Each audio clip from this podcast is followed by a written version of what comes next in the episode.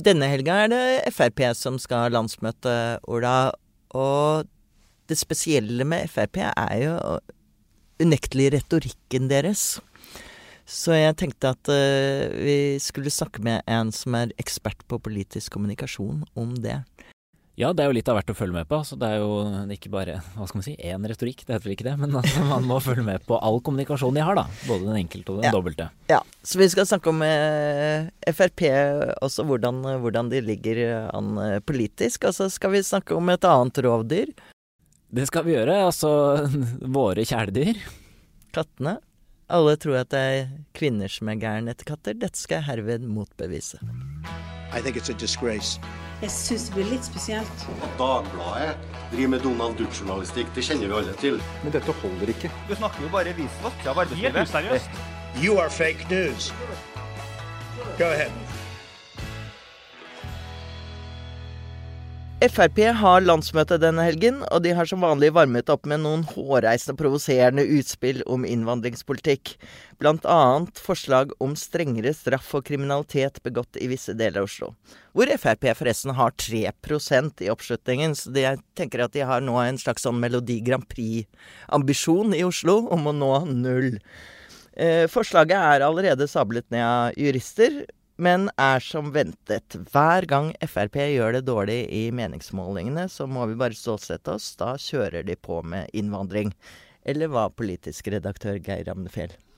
Ja, de ligger veldig dårlig an på målingene. De, eh, som du sa, så har de hatt en sånn bunnotering i Oslo på tre, nå rundt 3 eh, Og på landsbasis nå så ligger de på, hadde vi en siste meningsmåling, var 10,1% som er da omtrent det laveste de har hatt på 18 år.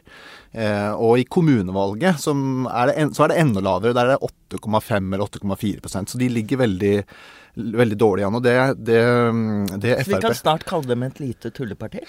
Ja, vi får se, da. Slik de kaller andre små partier. Vi får se, da. Nå, nå jo, plukker jo uh, Sylvi Listhaug opp uh, nye uh, utspill fra dette innvandringsutvalget som godteri fra godteposen hver dag. Så vi får se hvordan det hva slags resultater det blir av det. Men, men um, Frp har noen utfordringer nå som det de ikke har hatt tidligere, og som kan være grunn til å Eller som bør være grunn for bekymring hos dem, da.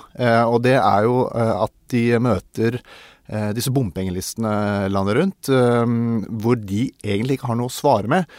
Fordi de har jo da sittet sittet på sjette året med samferdselsministeren og har ikke fått fjernet bompengeutgiftene, men tvert imot økt dem sånn, i hvert fall i rene tall. Og I tillegg så er det en annen bevegelse som bør bekymre partiet. Det er at Senterpartiet også stjeler mange velgere. Man tenker kanskje at liksom, velgerne har flykta til gjerdet, men det er ikke liksom bare det som skjer. Jeg liker at du kaller Senterpartiet en bevegelse. Ja, ja, men de, jo på en måte, de har jo fanget en ny, de har jo fanget en ny um, protesttrend da, i norsk politikk som uh, tidligere Frp på en måte har vært kjennetegnet, kjennetegnet på.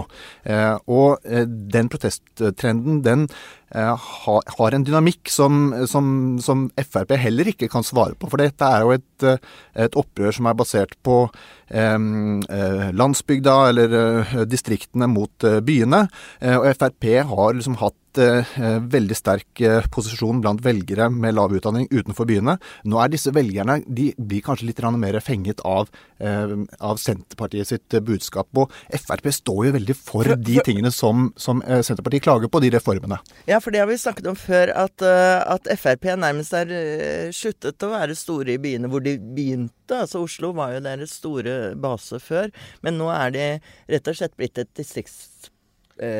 Ja, og der utfordres det. Ja. Så det er, eh, det er jo en eh, litt sånn eh, tragisk å oppleve at de nå utfordres av de samme bevegelsene som gjorde at Frp i sin tid ble startet til hva var det, nedsettelse av skatter og avgifter? Eller hva var det, det var enda mer drastisk enn det, var det ikke det? Sterk nedsettelse. Sterk nedsettelse, tross alt. Ikke bare nedsettelse.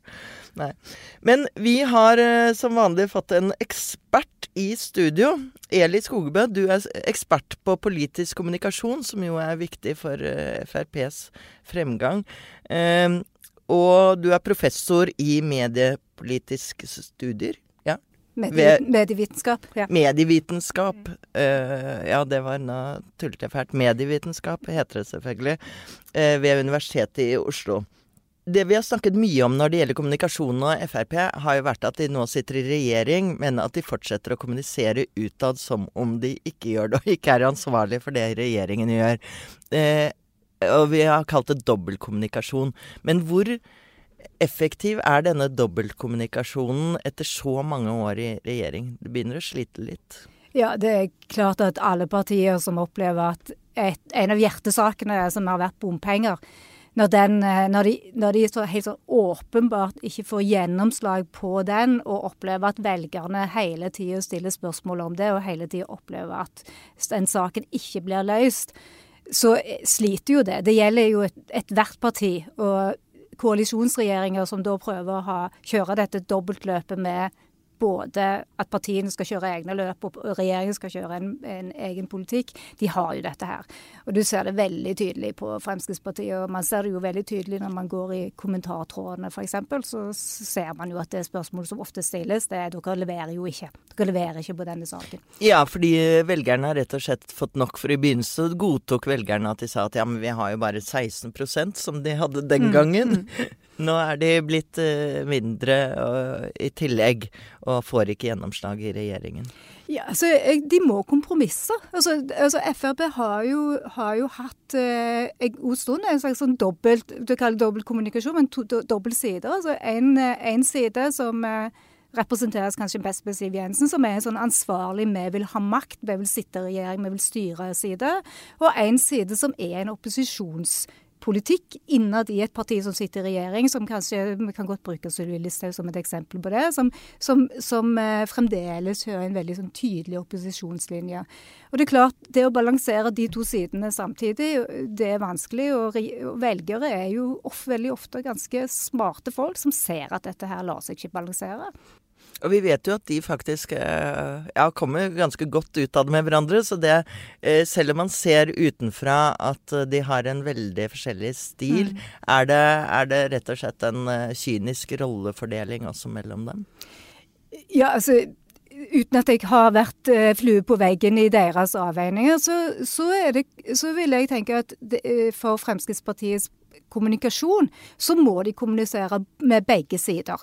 Altså De må kommunisere med de ansvarlige, og de må kommunisere med de som, de som er eh, et, et, reelt opposisjonsparti innad i partiet. Så de, For å holde på velgerne. Nå ser vi jo på meningsmålingene at den, det er en veldig vanskelig eh, kommunikasjon å holde i gang, men jeg tror nok det altså Hvis jeg var partileder, så ville jeg jo delegert sånne roller rundt til ulike folk i partiet mitt. Så jeg har ikke inside information på hvordan de gjør det, men jeg tenker at det er helt logisk.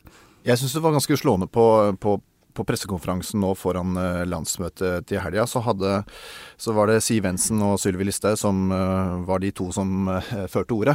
Og de snakket om helt de samme tingene, sånn, helt sånn punktvis. De hadde blitt enige om en, tydeligvis om mm. å snakke om de samme tingene. Mens der Siv Jensen kanskje var litt mer sånn hakkete formell og hadde mer forbehold og sånn, så var Sylvi Listhaug mye mer rå retoriker mm. når hun snakket om de akkurat de samme tingene. Det var sånn Vi, Frp skal aldri være et parti parti som forsvarer systemet. Vi skal kjempe mot systemet, sånn, når de snakka om sånn byggesaker mm. og sånn. Så, ja. Og, og, kanskje det uh, måten å kommunisere på som Siv driver med, er litt sånn gammeldags. Hun henvender seg jo på en måte til oss journalistene, da. Og så skal vi liksom videreformidle. Mens Sylvi går ufiltrert rett ut til sine velgere. Tror du ikke det at det er litt sånn, Eli? Jo, jeg, jeg, er helt sikker på at det er sånn. Altså Partiapparatene i dag er jo drevne politiske kommunikatører. De vet jo at disse tingene fungerer, så jeg er helt sikker på at de har en rollefordeling. De har kanskje en rollefordeling som passer deres personligheter òg, det er jo en helt annen ting. Men at de kommuniserer på to forskjellige måter, og at Sylvi Listhaug jo har tatt den, eh, det du kaller for en rå retorikk, og har hatt det lenge, og måtte jo gå av på det òg, for å si det mm, sånn. Mm. Det er jo en kjensgjerning. Men eh, det er klart at vi som har fulgt Sylvi Listhaug, har sett at dette er jo en måte personligheten også. Hun har litt sånn predikanten over seg av og til. Eh, men eh, det er klart at det påvirkes av Facebook og sosiale medier, den politiske retorikken òg. Vi har fått en Twitter-president, ikke mm. minst. Mm. Så dette er jo ikke bare et norsk fenomen. Men uh, hvordan hvordan er den balansegangen der? Altså, man skal jo liksom holde seg litt uh, ansvarlig tross alt når man står på Stortingets talerstol, som apropos at Sylvi Listhaug måtte gå. Mm. Ja, altså det, er veld, det, er veldig stor retorisk forskjell mellom å stå på talerstolen på Stortinget og bruke Facebook eller andre sosiale medier. Og Det vi, det vi ser i, eh, når vi undersøker disse tingene, det er jo at eh, sosiale medier, kanskje Facebook spesielt, er et egnet virkemiddel hvis du ønsker å vekke følelser hos folk. Dette er noen av de, de nyeste tingene. Så jeg ser veldig godt at for, for uh, partier som, som ønsker å få fram sånne ting, så er det et godt egnet middel. Så er det selvsagt en dobbelthet der. Følelser. Eh, vi har jo inntrykk av at det av og til er sinne. Ja, sinne er vel det som oftest kommer fram, eh, altså, som, som, bruk, som, brukes retorisk, og som, og som, eh, det, som Facebook fungerer for. Det er noen av de siste analysene. Men så skal man ikke glemme at Facebook er veldig, veldig, veldig mye mer òg, hele tiden. Mm. Men denne retorikken er det eh, Vi snakker mye om polarisering og at det er fløyene som liksom kommer frem. Er det, er det, ligger det mye i retorikken, eller er det også påvirker det politikken? Ja, så jeg tenker at Det er jo ingen tvil om at vi som både velgere og politikere står overfor store store uløste problemer som vi er nødt til å ta tak i, og at det òg skaper polarisering. Altså Vi har klima, vi har globalisering, vi har alle disse store spørsmålene som, som folk er uenige i. Og så, og så har vi òg denne muligheten som ligger i at folk kan snakke mye mer nå enn de kunne før. Og folk kan bruke mange virkemidler som de ikke kunne før. Som jo forsterker trender, som vi ser. Men det er jo, det er jo helt reelt politisk når man står overfor en klimakrise, når man står overfor eh, et større ulikhetsproblem, så blir det òg mer polarisering. Og eh, at velgerne er ikke så dumme som enkelte vil ha det til. Jeg tenker på Slo meg i forbindelse med denne protesten som har oppstått på Frøya, som Geir Amnefjell er veldig for vindmøller, men Men hvor, hvor, eh, de kanskje solgte inn det prosjektet som litt vakrere og penere og Nå klappet du meg på låret når du sa at inngrep. Jeg driver med tafsing, sånn som Kristin Halvorsen gjør. Ja, I podkast er det ingen som ser det. In space face, nobody hears, hears you scream, er det ikke det de sier? Unnskyld. Nei, nå sporet jeg helt av. Det var, det var en verbal ja, men Jeg har lyst til å ta deg opp på det. Altså, jeg, jeg tenker at velgere er i all hovedsak kloke folk som klarer å, å få oppfange mange flere nyanser. Og Det, det jeg, en del av disse her, eh, en del av, av, av, de utspillene som vi får, og en del av brexit har jo vært spilt på at folk rett og slett ikke får den informasjonen som, som de trenger å ha for å kunne ta. Det, man, det kommer til å komme inn i vindmølledebatten òg. Fordi de vindmøllene ser jo unnskyld uttrykket, litt for jævlige ut når de først står der på 230 meters høyde, og det er 270 av dem. Og ikke minst anleggsveiene ja. inn der. Det samme hadde du jo i brexit, f.eks., når Nigel Farage dagen etter avstemningen går ut og sier med, med bare løy om NHS-finansiering, altså helse. Ja, ja. Og det er jo klart, det, sånne ting gjør jo òg at folk blir mer sinte. Mm. Så kan man jo diskutere hva det har å si på lang sikt, men det, men eh, det sier jo men noe om Men brexit er jo et eksempel på at det faktisk går an å lure velgerne, da. Ja, men husk Til en viss tid. Ja, ja, altså det var jo det, altså, Men brexit var som den norske avstemningen i 94 og 72. Det er jo veldig små marginer. Altså Vi snakker jo om Det er, en, det er et delt folk på ett enkelt spørsmål. Men, eh, men der det er veldig lite mellom ja og nei, så de som da har trodd på noe som blir sagt, blir jo òg veldig svikta når de sier nei, vi mente det ikke likevel. Men, eh, til slutt, eh, det har jo vært mye snakk om at, eh, at eh, nettopp at fløypartiene vinner på denne polariseringen eh, og, og, denne FB, sosiale medier-mobiliseringen. Er tiden over for uh, slike politikere som Jonas Gahr Støre, som ofte da blir kalt for en tåkefyrste fordi at han sier på den ene side og på den annen side og vikler seg gjennom en rekke resonnementer før altså, han kommer frem? så jeg er utdannet statsviter, og statsviter har lært at man aldri skal si aldri om noe som helst når det gjelder politikk. Og det er jo det mest fascinerende med politikk og politisk kommunikasjon, at man Folk gjør jo ting velgere gjør helt uventa ting, og plutselig så stemmer de på tåkefyrster òg, holdt jeg på å si. Men, men, akkurat nå så er jo klimaet sånn at det, det er polarisert, og det vil nødvendigvis bety at fløypartiene tjener mer på det. Og så er det òg en annen ting, og det er at disse store partiene, altså de såkalte gamle massepartiene, eh, Arbeiderpartiet og de store konservative partiene, er, de splittes jo opp. Dette er jo en eldgammel trend. Gått tilbake i mange, mange år. og og eh, det er si, vanskelig på ett vis fordi det skaper styringsproblemer, og bra på et annet vis fordi folk har mange alternativer å velge mellom. Så, så ja og nei var et klart akademikersvar. ja, ja. Nei, altså, det er jo interessant det med at uh, Senterpartiet har jo hatt veldig stor suksess, men de har jo vært veldig lite. Uh, og sagt i hvert fall at de har vært veldig lite steder på sosiale medier. Så det handler vel kanskje om det om å være en effektiv retoriker uansett. Plattformen Plattform, at de ikke er nødvendigvis avhengig av Facebook uh, for, å, for, å, lykkes. Og da kan vi minne lytterne om at Carl I. Hagen klarte seg aldeles utmerket uten Facebook eller noen ting. Takk skal du ha, Eli Skogebø.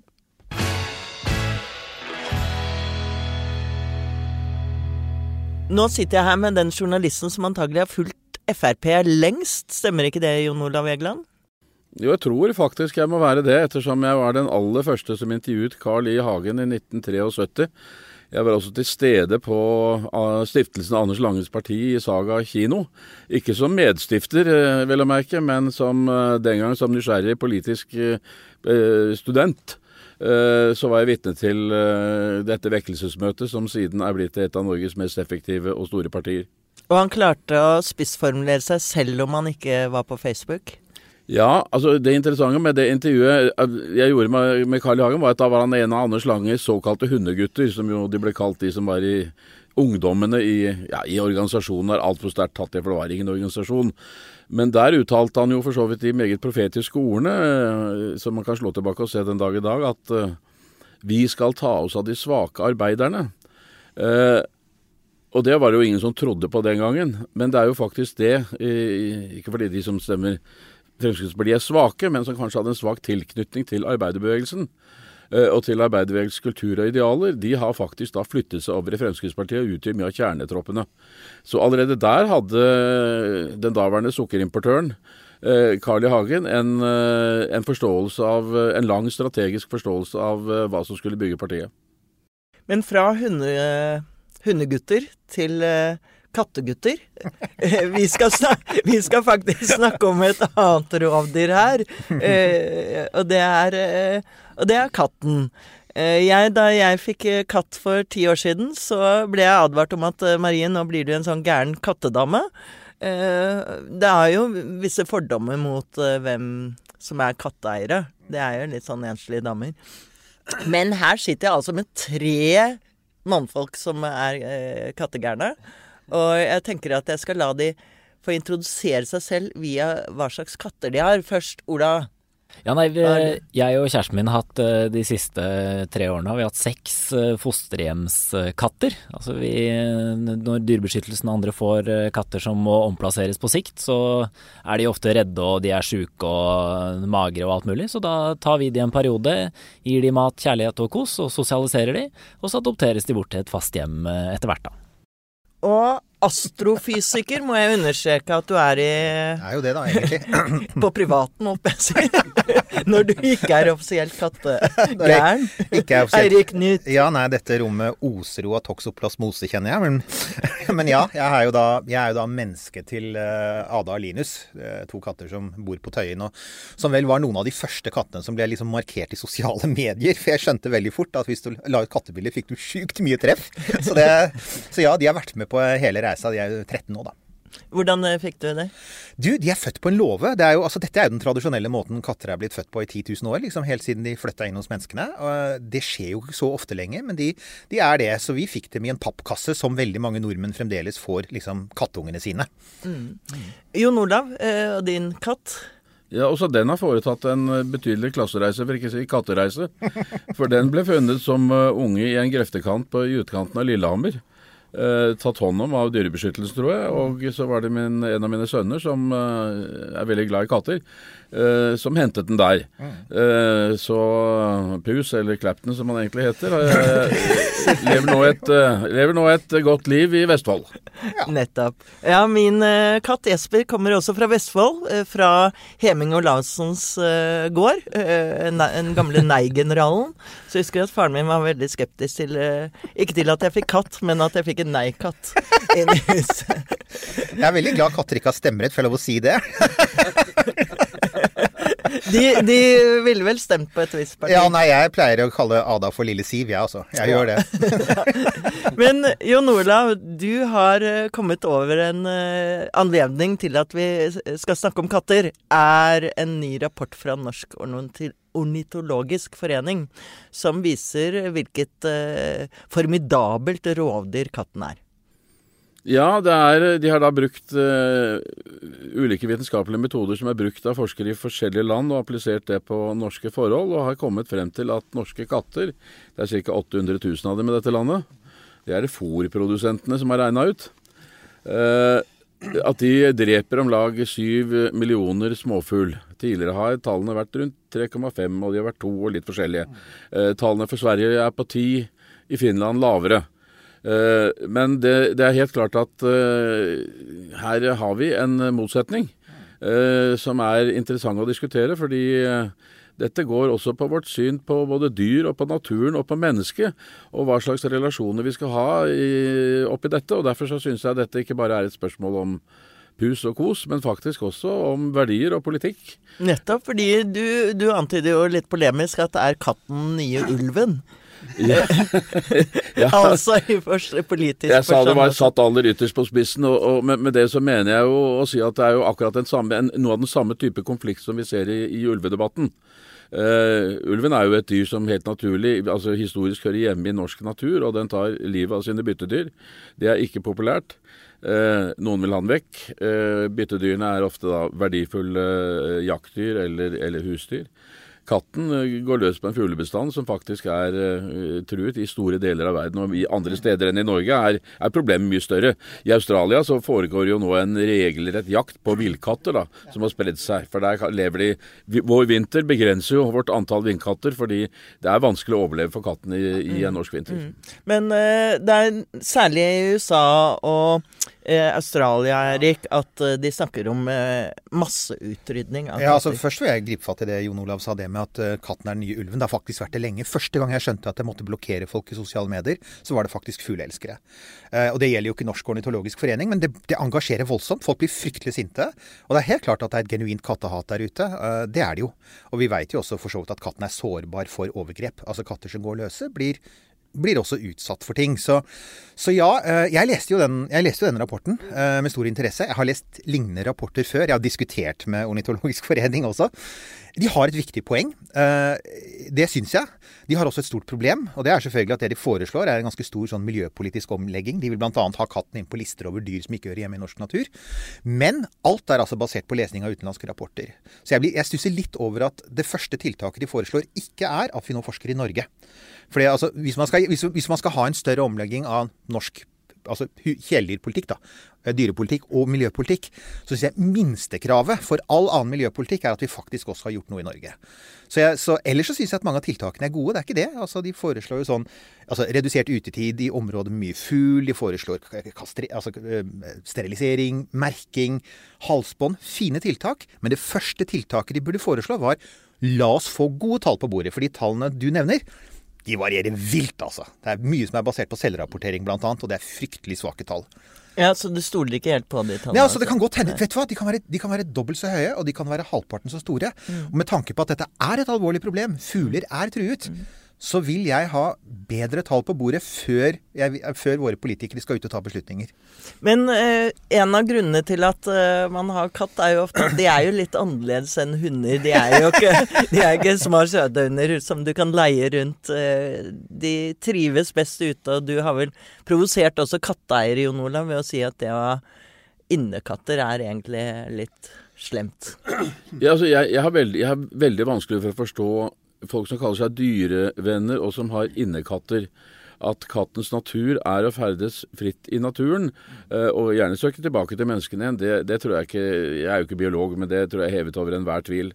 Uh, min katt er en sånn utbryterkonge, dessuten, som uh, kan komme seg ut gjennom alle enhver åpning i, det, i de to etasjene som dette huset består i.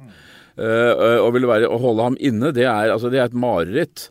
og, og, og meget, meget krevende.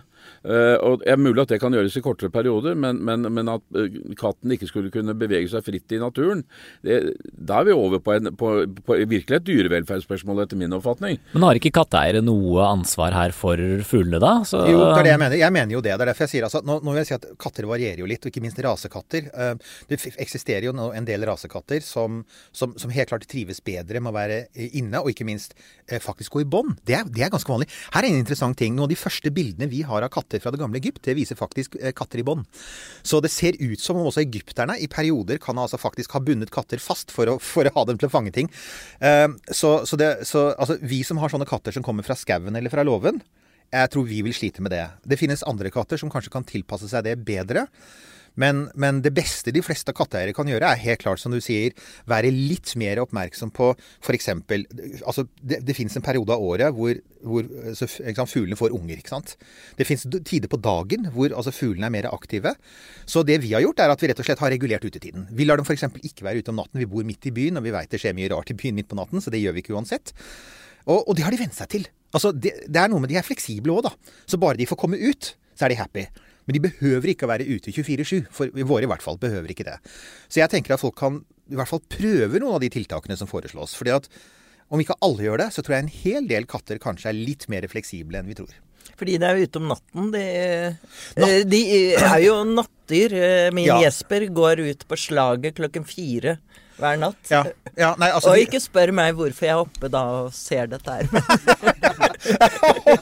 den kreativiteten ja, jeg er også natter. Ja, og herregud, den kreativiteten de viser i i å vekke folk, da. Altså, de er jo smarte når de har interesse av noe, så er det som du sier, de er ikke bare utbryterkonger. De er jo vekkerkonger. De er skaffe seg matkonger. Altså, de er jo dritflinke. Men eh, vi har uh, ulike uh, forhold til katter rundt omkring i verden. Og i Japan er de jo ekstremt uh, opptatt av, av, katter. Og Eirik, du har funnet ut at det er rett og slett noe som heter skal vi se, Neconomics. Ja. Som handler om katteøkonomi. Det var litt interessant. Du, altså, vi var i Japan for noen år siden, og da gikk vi altså rett og slett på kattekafé. Har, har, har, du vært i Japan? Ja, jeg var på kattekafé i sommer. Ikke sant? Kattekafé, kattekafé i Tokyo. En ting er at det er, det er, litt sånn spesielt kledde damer der. De er litt sånn, sånn Der vi var, var de kledd som skolepiker, så jeg lurte litt hva poenget var. Men det var mye katter der! Og det var sånn, ok. De har også uglekafeer, og nå har det også visstnok kommet en alpakkakafé, så jeg må jo tilbake. Men uansett. Men ja, de har en fascinasjon for det. Eh, jf. Hello Kitty. Jf. altså at det er jeg, jeg tok litt bilder mens jeg var der. Det er så mye kattebilder. Men altså, katten er jo da et lykkedyr. Den derre katten du ser i alle asiatiske restauranter med sånn pote som står og vinker, ikke sant. Den er overalt. Uh, og i Japan så er da uh, er, Altså katten bidrar såpass mye til BNP at det finnes japanske økonomer som forsker på nekonomics, altså neko betyr katt på japansk. Så uh, det mest kjente eksempelet, bortsett fra, fra, Hello Kitty, er jo Tama, denne katten som ble stasjonsmester på en, var det Kinshi stasjon? En liten sånn distriktsstasjon på et litt, litt, sånn fraflytningssted hvor det nesten ikke kom folk. Så det de gjorde for å trekke turister, var å rett og slett gjøre henne til, til stasjonsmester. Hun fikk en liten hatt. De måtte da lete lenge før de fant en katt som ville gå med hatt.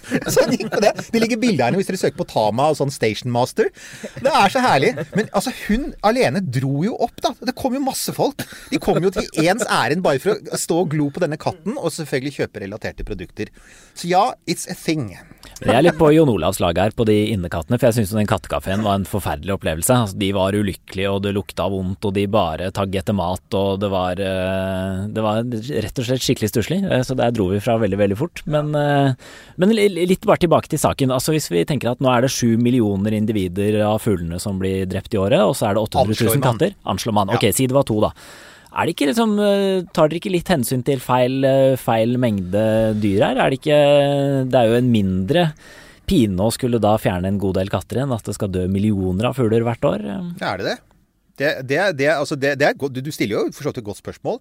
Men jeg får minne om at altså, katten er et svært høyt fungerende dyr. Det er jo et langt mer sosialt dyr enn, enn det får kreditt for. Eh, jeg leste nylig en veldig god bok som heter Catsense, skrevet av John Bradshaw, en engelsk katteforsker. Den kan varmt anbefales. Det er en av de beste bøkene på området. Og han har jo dokumentert i sin forskning at veldig mye av dette her med liksom katten som det rovdyret som ikke bryr seg om noen og går aleine, veldig mye av det bildet er feil når du ser nærmere på det. Um, det er helt klart et dyrevernspørsmål, men det, det går jo i, i, i, begge retninger. Så det jeg tenker da er at uh, ja, katten bidrar til at fugler dør. Uh, det gjør veldig mye menneskelig aktivitet. Så, så, jeg tror vi må ta helhetsbildet her og si hvis vi, hvis vi, mener at tap av fugler er et problem, og det er det, så må vi liksom lage en liste. Da, så må vi se hva er mest effektivt. Hvordan får du raskest redusert tapene? Jeg er usikker på om det å begynne med liksom sånn massejakt på Norges mest populære kjæledyr er veien å gå. Ikke minst når du ikke engang har en norsk forskningsrapport. Så du er mot vindmøllen isteden? Sammen med Marie, så kan dere ta ja, jeg, jeg, altså, jeg, er mot uh, vindmøller, men for katter. Det altså, våtmark, nei, altså, beskyttelse av våtmarksområder, veiutbygging altså, det er nok, altså, Alle er jo enige om at habitatødeleggelse er den viktigste grunnen til at fugler dør ut. Vi som sitter rundt dette bordet, er hovedproblemet. Og kanskje katten er nummer to eller tre. Og da tenker jeg ok, vi som er hovedproblemet, hva kan vi gjøre først, tenker jeg. For, vi, for jeg minner om at vi er jo ikke mye opptatt av fuglers død i vanlig samtale ellers. Snakkes mm. lite om det. Nei, altså jeg, jeg, ser jo i, i det researchmaterialet jeg eh, gjorde før den artikkelen, at uh, noen mener jo at arkitektene faktisk er de farligste uh, når det gjelder fuglers død. Fordi de store vindusflatene som er veldig vanlige i mange bygg, de, de gjør at fuglene mister retningssansen. Og vi har vel alle fått fugler som har deisa i, i, i, vinduet. De, og de, mange klarer seg, men noen får indre skader osv.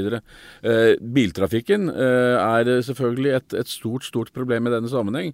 Så det er mange faktorer. og Det er derfor jeg er helt enig med Erik at dette må vi vite mer om før vi, før vi begynner med restriksjoner. Men jeg syns i hvert fall det er, det er, helt merkverdig hvis fuglen skal få lov til å, som jeg skriver, synge fri på kvist. Mens med katten så kan du altså Du kan altså øh, kastrere den, du kan medisinere den med p-piller. Du kan nekte den øh, å gå ut i forhold til hva den normalt har behov for. Og du kan til og med utrydde den om det er nødvendig. Jeg kan ikke si at det på en måte er god dyrevelferd, da. Men for et eh, viktig poeng er jo nettopp det Eirik var eh, inne på innledningsvis, som er en markant forskjell fra Norge og Australia, er at vi har vel ikke så mange villkatter. Nei, og, og, og, man liker jo veldig godt å bruke australske eller eh, amerikanske tall. USA har et gigantproblem. De har noe sånt som 70 millioner huskatter, og så har de sånn 70 millioner løskatter. Altså, men, men, USA har igjen helt andre klimatiske og, øk og økologiske forhold. 1,3 milliarder døde fugler er tallet derfra. Ja, ikke sant. Og så Det man da ofte gjør, er at man bare skalerer det om til norske forhold, og så trekker man litt fra for vinteren, liksom. Og der, igjen, da kommer vi tilbake til det jeg var inne på. For øvrig, jeg bare minner om at jeg er helt enig med deg at det fins at katten har mange begrensninger. Det fins et dyr som har det innmari mye verre, og det er hunden. Seriøst. Det dyret det, Altså, vi har, vi, har, vi, har, vi har mekka med genene til de 50 000 år. Se på det, mopsene på Grünerløkka. Vi, vi må ta en ny ny våre episode, katter, Eirik. Ja. Våre katter er så heldige sammenlignet med disse dyra som holder på å miste øynene ut av øynhulene, og som knapt kan gå to skritt uten å få hjerteinfarkt. Stakkars hunder! Kan ikke puste engang. Kan ikke puste engang. Kan ikke føde unger. Astrofysiker Eirik Knut, nå er det nok.